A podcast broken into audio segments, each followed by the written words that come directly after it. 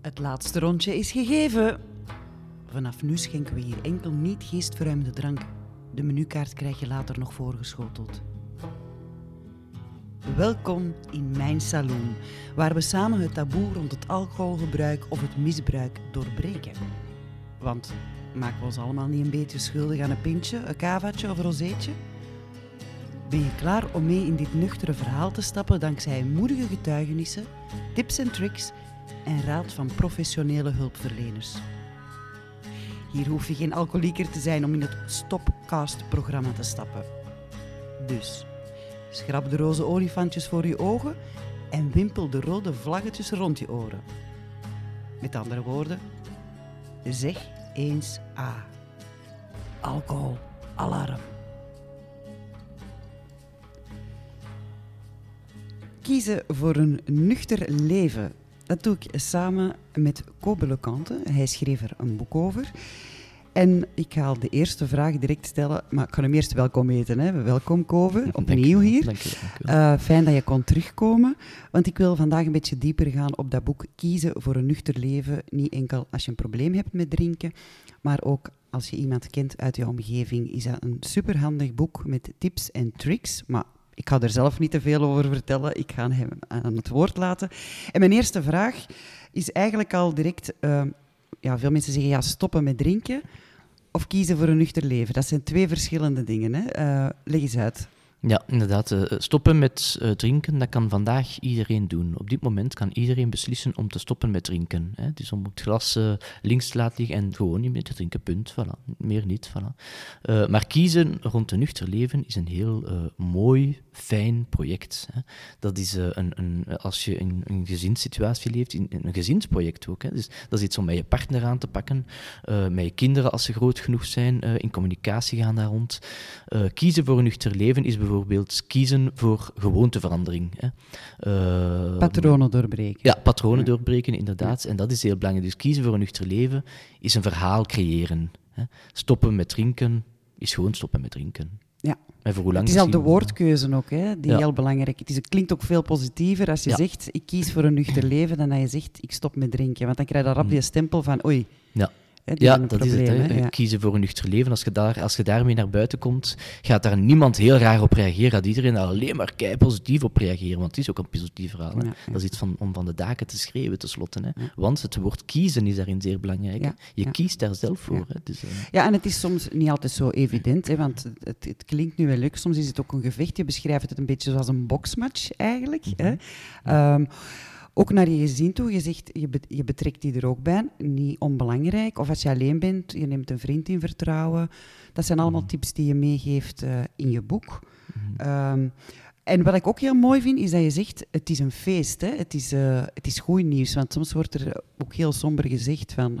Ja, ik ga stoppen, dat is niet fijn, een beetje zelfmedelijden. Ja, ja, maar jij verkoopt het echt als een een blijde gebeurtenis, ja, bijna een wedergeboorte, hè, mag ik het zo zeggen? Ja, je hebt, je hebt heel, ja als, als je een kindje krijgt of je koopt een huis of iets zo, dan, dan ga je dat ook willen rondvertellen. Hè, maar dat is net hetzelfde. Veel mensen hebben dat volledig misopgevat van ik heb een alcoholprobleem. nee, dat is, dat is uh, ten eerste uw alcoholprobleem. Ja, dat is jammer.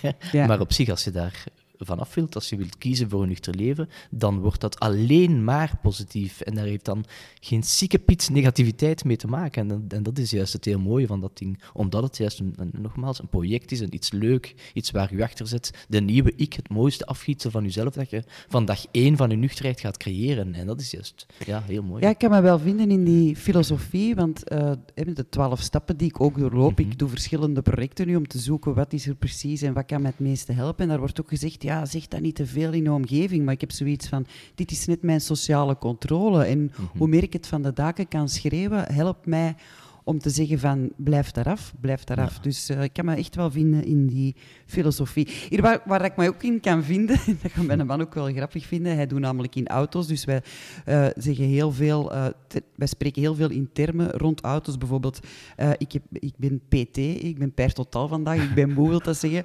Of ik, ik ga hier uit een bocht, ik ben ook voorbeelden aan het zoeken, we moeten een beetje gas bijgeven, maar... Ehm, wat zie jij, en dat, dat vond ik een mooie metafoor, uh, wanneer is er een alcoholprobleem? Hoe beschrijf jij dat? Weet je dat Ah ja, boek? eh, ook in een autoterm inderdaad. Ja. als de rem kapot Als is. de rem eh, ja. kapot is, ja. Dat, is ik wel een inderdaad hele... zo. Ja, ja, ja. Dat is inderdaad wel een belangrijke. Dat is een groot... Ik heb daar lang ook moeten over nadenken van wanneer heb je een alcoholprobleem. Ik heb dat jaren niet kunnen beantwoorden. Eh, ik heb dan wel ge- onhandig wat geprobeerd om daarop te reageren, maar uiteindelijk een collega zei dan tegen mij van Kobe, dat is toch simpel als de rem kapot is. En dat is ook zo. Als je voelt van ik kan mij niet houden aan wat ik afgesproken heb met mezelf, ja, dan is de rem kapot. Ik begeleid bijvoorbeeld iemand die één keer op een jaar zijn ram kapot is, dat is evengoed een probleem, denk ik. Die mens woont, wo- wordt eh, op dat bepaald feestje met die bepaalde vrienden jaarlijks weer, elke keer weer zat. En dat wil hij niet. Hij wordt iemand die hij niet graag is, is evengoed een, een probleemdrinker. Ja, want jij ging ook altijd naar een vast kroegje, hè? Je woonkamer noemde je het zelf. hè? Dat vond ik ongelooflijk. stamcafé, Je ja, ja, stamcafé. ja, ja, ja. Maar ja, ja, ook soms moeten dat patroon doorbreken en Mhm. afstand nemen van vrienden. Ja, ja. Dat is geen gemakkelijke, denk ik. Hè? Ja, nee, vanaf dat je beseft van dat er een probleem is en dat gewoonteverandering nodig is, houdt dat automatisch ook in dat je ook niet, ja, dat je ook wel heel veel gaat beseffen. En die vrienden van toen, dat zijn tooghangers, die daar ook zitten eh, om met hun beste vriend staat voor hun, dat is hun pintje. Hè. Ja. Eh, in mijn geval was dat toen met smalle trippel, waar ik er ongelooflijk gek van was. Eh, maar dat is hun beste vriend. En uiteindelijk, dat worden heel filosofie dingen en dat gaat heel laat worden elke avond op dat stamcafé in mijn living, zo gezegd, van toen. Maar dat is niet de werkelijkheid. Hè. Nee, nee, nee, dat is. Hè, naar een stamcafé of een festival waar je eindelijk een ticket hebt, want dat je weet, eh, heel weekend scheef gaan. Maar je spreekt ook over een ander ticket. Dat je, dus een weg die je nu kiest, is een ticket terug naar de basis. En ik zag daar eh, een, aan de hand van een tekening, vond ik wel interessant. Pas op, ik ga hier ook de advocaat van de duivel spreken, hè, eh, spelen. Ehm, dat was een, de driehoek die jij daar voorstelt. Eh, Eigenlijk in je leven maken de verschillende fases mee. Hè. Zo rond je 18 jaar hè, gaat een voorbereiding naar het leven. Later hè, gaat je dat uitvoeren en dan gaat je dat analyseren. Eh, in mijn periode, ja, rond mijn 18 jaar, was ik niet bezig. Eh, dat was eigenlijk ook al toen een periode van overleven, zo noem ik het zelf een beetje. Maar er is nooit een moment dat het te laat is om even terug. En mensen maken dan hier vaak de fout om naar de uitvoering te gaan. Leg, leg die een driehoek eens uit. Want Ja, wel, ja, ja, het is Eh. ehm, op pagina's, ik weet niet hoeveel, maar in het staat staat er een, een driehoek beschreven. Dat is de levensdriehoek die ik zelf gecreëerd heb. Eh, Ja.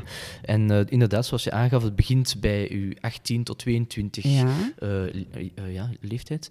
Dat is links beneden zitten we nu aan de driehoek. Hè. En dan gaan we eigenlijk, daar, daar prepareren we ons, daar maken we ons klaar voor het leven. We weten ongeveer wat we gaan doen in ons leven, waar we willen wonen. Hebben, we- gaan we starten met een relatie of gaan we nog eventjes vrij? Dus je hebt al bepaalde plannen opgemaakt en dan ga je uitvoeren. Ga je naar de, Ja. de hoek van boven eigenlijk, hè, de bovenhoek. Dat is het uitvoeren. Eh, nadien, om de drie, vijf jaar, of drie tot vijf jaar, gaan mensen naar de, de, het analyseren. Dus dat is rechts beneden. Gaan ze eens bekijken, hoe loopt mijn leven? Ben ik eigenlijk wel tevreden eh, met wat ik doe?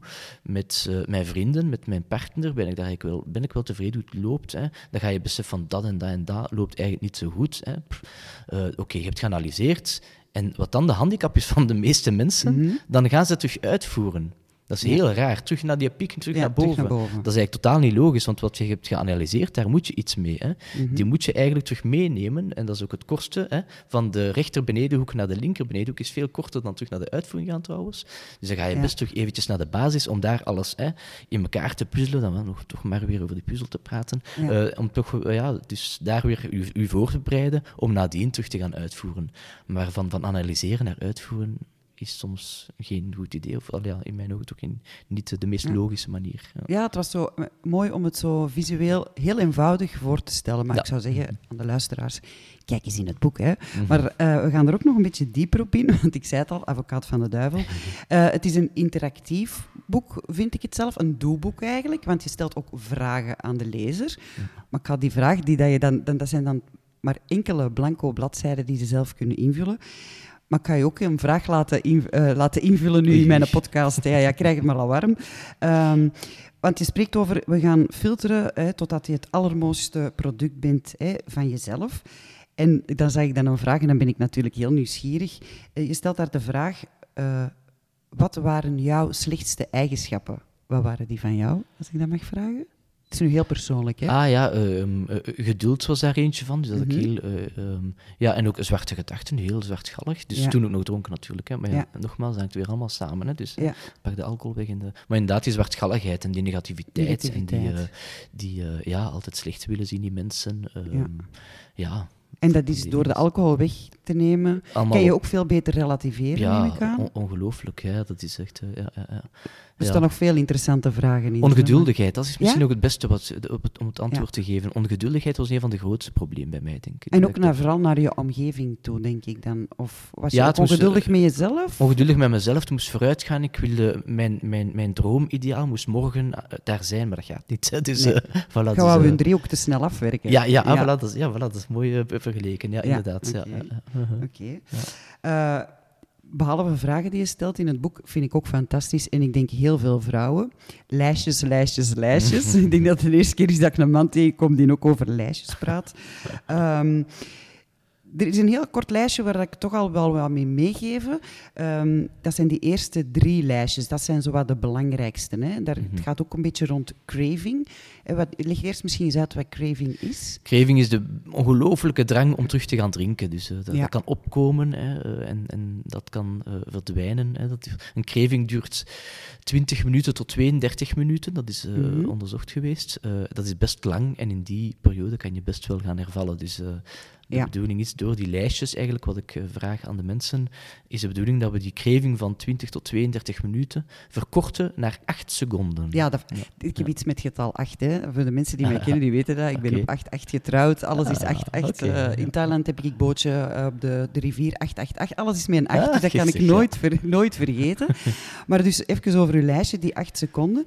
Die eerste twee vragen, hè, die eerste twee lijstjes zijn belangrijk. Dus de eerste vraag is waarom Mhm. kiezen we voor een nuchter leven? Dat mag ik al verklappen. Hè. ja, ja, ja. En de tweede is wat gebeurt er? Kunnen die tweede Wat, ja, wat, wat zou er kunnen gebeuren als, als ik herval, eh, als ik blijf drinken? Hè? Ja. Dus eh, dat is het tweede lijstje. Ja. Dus het eerste puur opzommen van hè, eh, ja, waarom wil ik kiezen voor dat nuchter leven? En tweede, wat zou er mij overkomen als ik het ook blijf Ja, drinken? dat zijn, Dat zijn de al- twee allerbelangrijkste. En, dat zijn, het verval, herval.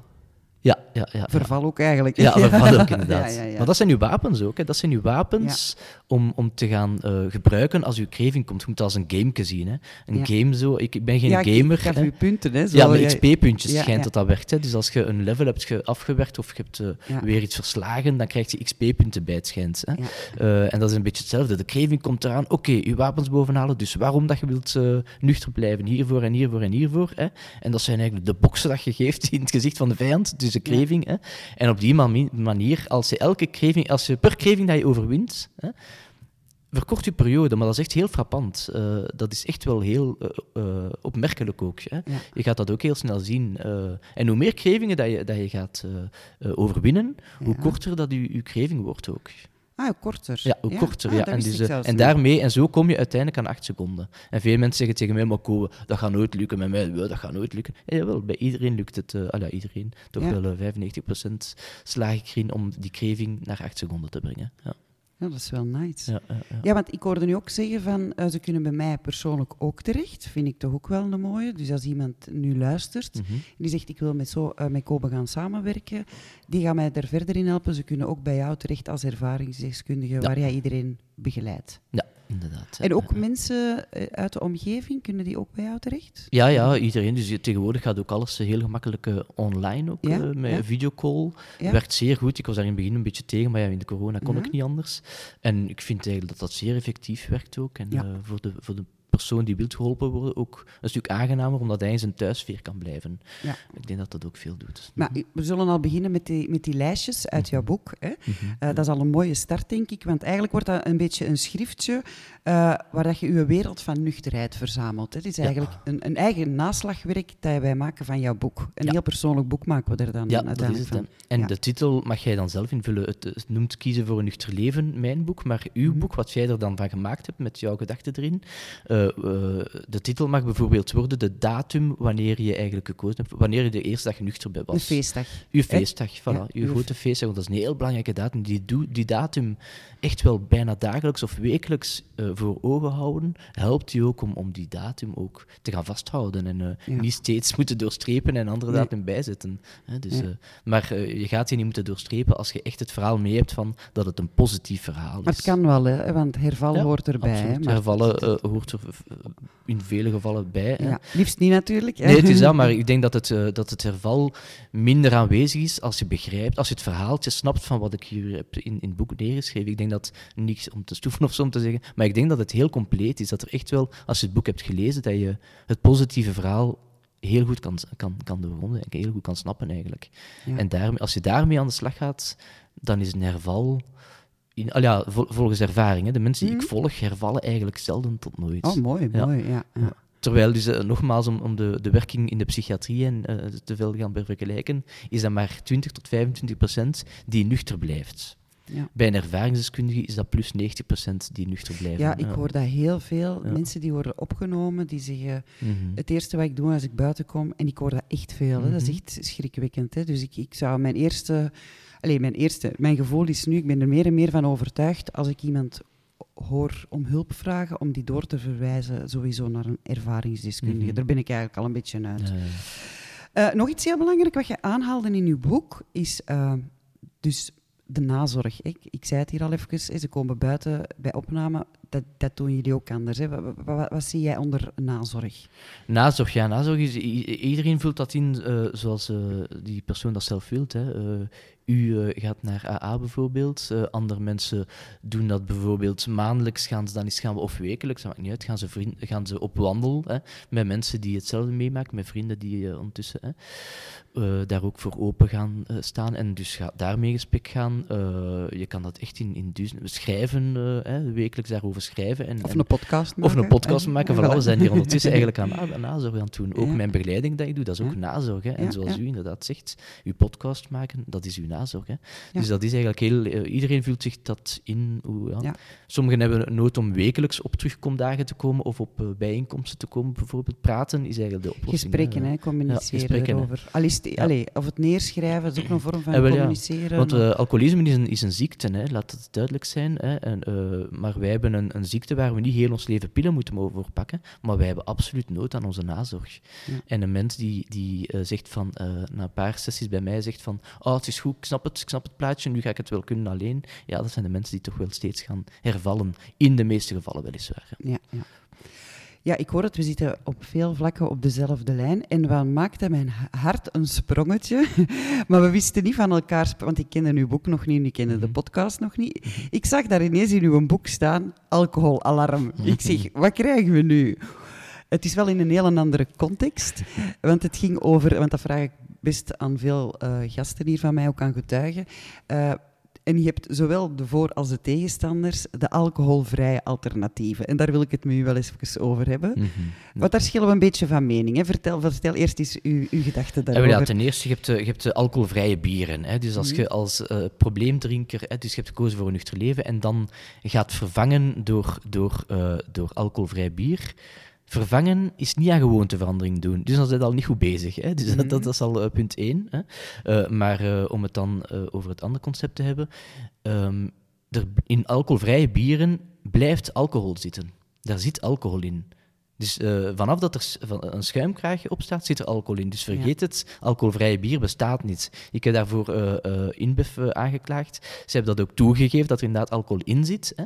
Maar Mhm. wettelijk mogen ze het schrijven omdat het eh 0,049 is. En vanaf 0,5 Mhm. moeten ze het opschrijven dat er alcohol in zit. Maar ze mogen alcoholvrij zetten op bieren waar dus alcohol in zit. Dus je kunt zeggen, koop een muggenzifter 0,49, 049, dat is Mhm. niks. Ja, sorry, maar ik heb mensen gekend die eh, hervallen. Heel veel mensen hervallen dan ook, omdat ze eigenlijk blijven alcohol drinken. Hè. Mhm. Eh, eh, kiezen voor nuchter leven is nul alcohol. Hè. Ik bedoel, is niet een beetje alcohol. Hè. Mhm. Dan ga je hervallen. Hè. Ehm, dus dat is een heel groot, belangrijk iets dat je dus ja, heel goed moet voor ogen houden. Dus je bent ten eerste niet aan gewoonteverandering aan het doen, want je blijft je biertje drinken, hè, punt. Hè. Ja, ik hoor er heel veel verschillende meningen over. Hè. Dit zijn die dat ik een beetje aan het, aan het verzamelen ben. Want in het begin, dat is waar, als ik thuis...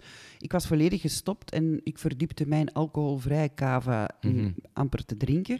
Eh, alcoholvrije wijnen, hè, de ja, veredelde ja, hoe moet ik het zeggen, veredelde druivensappen eigenlijk. Mhm, En het gaf mij ook zo'n beetje gevoel, dat kost ook belachelijk veel, want te zeggen, hé, Mhm. je bespaart ik weet niet veel geld, je moet eens zien wat je uitspaart als je geen, eh, geen alcohol drinkt. Maar echt waar, het, is, dat kost belachelijk veel geld. Het is precies of ik bestel op restaurant een tomat crevet, maar zonder de crevetten. mhm. Want ik moet er nog altijd evenveel voor betalen. Maar ik merk nu wel, thuis drink ik die alcoholvrije drankjes niet meer. Wat jij doet, vind ik ook wel een leuke truc. Bijvoorbeeld, jij koopt geen een iced tea Mhm. thuis, om toch het gevoel te hebben, als je dan op restaurant gaat, dat je jezelf gaat verwennen. Met een ijstiek. Met een iced tea, ja, ja. ja, Ja. ja. of als je op zo'n terrasje gaat zitten, dan heb je ook zoiets lekker voor je eigen, wat je normaal niet drinkt. Maar, maar, maar om even verder daarop in te gaan, water. Wat is er mis met water? Water is heerlijk lekker, hè? Vele mensen zijn dat vergeten, maar water is ongelooflijk lekker. Ik heb dat vorig jaar eh, eh, beseft bij mijn... Bij mijn eh, ik heb zo'n heel klein kindje van een jaar, vorig jaar was het, nu is ze twee. Ehm, ik gaf haar haar eh, flesje met water en zij dronk daarvan. En wat ik zag toen, ongelooflijk. Die stralingen in haar ogen, die haar ogen begon te fonkelen. Die haar glimlach, die heel haar huid, dat was je begint al magisch. mee te fonkelen, zie ja, ik. dat was magisch om te zien. En dat, is het, dat heeft mij toen doen beseffen van Kobe, water is gewoon doodgewoon ongelooflijk lekker. Ik drink eigenlijk continu water, dat is heel erg goed. Maar vele mensen drinken zo, eh, vaak water, maar die beseffen dan niet meer wat die eigenlijk aan het drinken zijn. Ja. Maar eigenlijk, water is zo ten eerste ongelooflijk gezond voor je lichaam. Eh gelieve kraantjeswater te drinken trouwens. Eh, Mhm. heel veel mensen doen dat niet. Nog altijd dat flessengedoe. Ehm, maar water is ongelooflijk lekker. Dus laten we met z'n allen gewoon wat, ma- wat meer water drinken. En ik denk Ja. dat dat iets, ja, voilà, dat dat heel, gezond, heel goed is. Het voor zijn die stappen die dat ik nog moet zetten. Er is nog werk aan de winkel, ik hoor het, ik hoor het. Ehm, je vertelt niet alleen zelf over je ervaringen, want je spreekt eh, over eh, je, je dochtertje. Hè? Maar ehm, je komt zelf eh, aan het woord met je verhalen van vroeger. Maar er zijn- je hebt ook gasten in je boek. Hè? Je spreekt, eh, je hebt een paar mensen aangesproken. Wie zijn dat Mhm. precies? Ehm, Delphine Leconte doet erin mee. Het is Familie van? getuigenis. Ja, nee, geen familie. Ah! Goeie- Goeie vriendin, maar het is heel vreemd inderdaad. Ja, want die vraag ga we sowieso ja, ja. krijgen. Hè? En we hebben elkaar inderdaad eh, ja, ontmoet de eerste keer en we hadden direct een klik. En ik vind dat, Ah, to- oh, ja. wij, ja, wij houden op, Mooie- een- op een mooie bepaalde manier van elkaar. ja, We, ja. ja, we hebben iets samen. Ehm, ja, mijn vrouw mag dat, ja, weet dat wel. Hè, dus, voilà. En dan ehm, eh, eh, Tessa Willaerts is de eh, topvoetbalster voor Ja. de Red Flames. Hè. Ja. Ehm, omdat wat daar interessant is, is eigenlijk, zij drinkt niet, ja, omdat zij dat gewoon niet doet voor haar werk. Om te kunnen professioneel voetballen moet je geen alcohol gaan drinken. En dat is ook interessant. Ziet mensen die, er niet, die het moeten en die het verlangen enzovoort, om dagelijks een pintje. Maar je hebt ook mensen die doet gewoon het niet doen, omdat daar gewoon hun job van afhangt. Die dat gewoon heel consequent kunnen uitvoeren. Wat ik heel frappant vond, dat, dat je die getuigenis eigenlijk a- eh, afsloot met te zeggen, en daar hebben het sommigen ook nog... Het lijkt een saai verhaal, het lijkt, hè, want Mhm. niets is wat het lijkt. En dan, hoor ik nog van velen, ja, ik voel me soms zo saai. Mensen moeten ook wennen aan de nieuwe ik, hè. Ja, ja, ja. Het is een Ja. ander leven, hè. Het is een ook, ander hè. leven, absoluut. Het is een ander leven. Ja. Maar een, een gewoonte verandert eh, na, na drie maanden. Dus, eh, eh, Ja. een, een, ja, een filosoof heeft daar een op onderzoek naar gedaan. Eh, drie maanden was ik, eh, drie weken. Ah, sorry. drie weken Ja, sorry, Ja, drie ja, weken. niks. Drie weken duurt het tegen dat je gewoonte weg is Ja. en dat je een ander in de plaats kunt zetten. Dus ja, natuurlijk, ze even wennen. Natuurlijk. Ze zijn totaal iets anders bezig. Het is normaal dat ze even moet wennen. Hè. Ja, ja. Dus. En wie, wie, wie heb je nog? Ah ja, en de eh? derde persoon is professor Dirk de Wachter, de man waar heel Vlaanderen de radio iets harder voor zet, voor zijn mooie stem. Hopelijk binnenkort onze podcast ook, maar dat vertel ik Wie weet, wie weet, maar dat gaan we Mm. nog niet verklappen. We- gaan ons nog even focussen op u. Want ehm, het boek, helemaal op het einde, sluit je af met het recept. Ja, ja. Het recept. Mhm. Maar gaan we dat... Dat gaan we ook niet verklappen. Nee, dat gaan we niet hè? verklappen, maar wel even duidelijk maken. Mensen, er bestaat gewoon een recept om nuchter te Ja, zijn. dat, hè. dat vond ik... Ja, vond dus ik- mensen vergeten. ja? We zijn, ja, dat, dat, dat bestaat. Dat staat ook in, dat, in daar eindig ik inderdaad mee. Eh, het is perfect mogelijk. Ik, ik ga het u eh, niet zeggen inderdaad, maar je moet het lezen. Eh, er bestaat dus een gewone recept om nuchter te blijven. Dus mensen, iedereen die een probleemdrinker is, hè, dat is Mm. meestal eigenlijk de, de meerderheid van, van, van de bevolking, heeft Mhm. een alcoholprobleem of is op weg naar een alcoholprobleem Ja. te gaan creëren. En dat is iets, we zijn eigenlijk niet in de minderheid als probleemdrinkers, hè. we zijn gewoon in de meerderheid. Dus dat maakt het ook al veel makkelijker weer. Oké. Ja, Daarom stel ik voor, we gaan dat recept hier niet delen. Nee. Maar we denken dat we er een paar van gaan we weggeven. Een paar van uw boeken, gaan we dat doen? Ja, wel, dat is een goed idee. Je Ah, mag, het mag. Ah, super, super, joepie. Dus eh, blijf nog even luisteren, want wat je daarvoor moet doen, ga ik je zo dadelijk vertellen. Maar dan eh, neem ik nu afscheid van Kobe. En ik wil u hartelijk danken voor de toelichting van je boek Kiezen voor een nuchter leven. Dankjewel. Lili. Graag Tot de gedaan. volgende keer.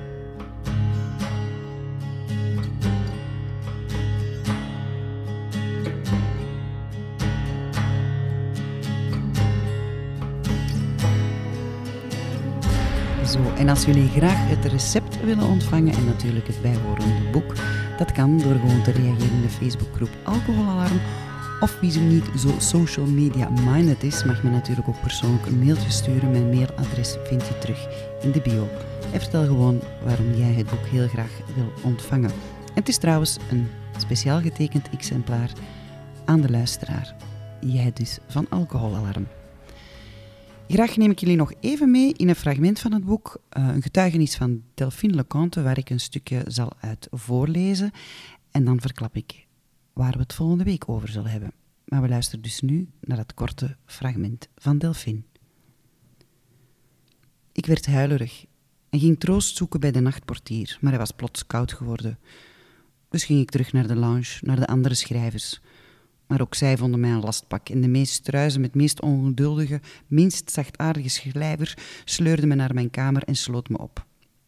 Ik had een paar zakjes chips, dronk twee blikjes bier en nam een bad. Ik viel in slaap in het hete water en ik werd wakker in koud water. Het was ondertussen ochtend. Ik ging zonder voortanden. Wachtend op mijn implantaten moest ik me tijdelijk beredderen met een bijzonder gênante slechtzittende tandprothese naar het ontbijtbuffet. Ik dronk koffie, at een soeplepel hummus en rende terug naar mijn hotelkamer waar ik kotste op het tapijt. De minibar was leeg. Problematisch. Gelukkig had ik mijn Xanax-druppels om me enige verlichting te bieden. Maar de verlichting duurde niet lang. Ik ging naar buiten en kocht in een tijdschriftenwinkel een krant en vier blikjes bier. Die krant was ik niet van plan om te lezen. Maar ik had toen nog menselijk opzicht en durfde niet uitsluitend bier te kopen in de tijdschriftenwinkel. Vlug terug naar de hotelkamer. De oude kruisboogschutter stond in de kamer. Hij was teruggekeerd. Met dit fragment verklap ik al dat Kobe niet de laatste auteur is die ik in mijn salon ontvang. Volgende week focussen we nog een keertje op de omgeving van wie de rem kapot is, maar deze keer met een ontroerende getuigenis. De titel van de volgende aflevering verraadt al veel. Help, mijn mama drinkt. Getuigenis van een Barbara.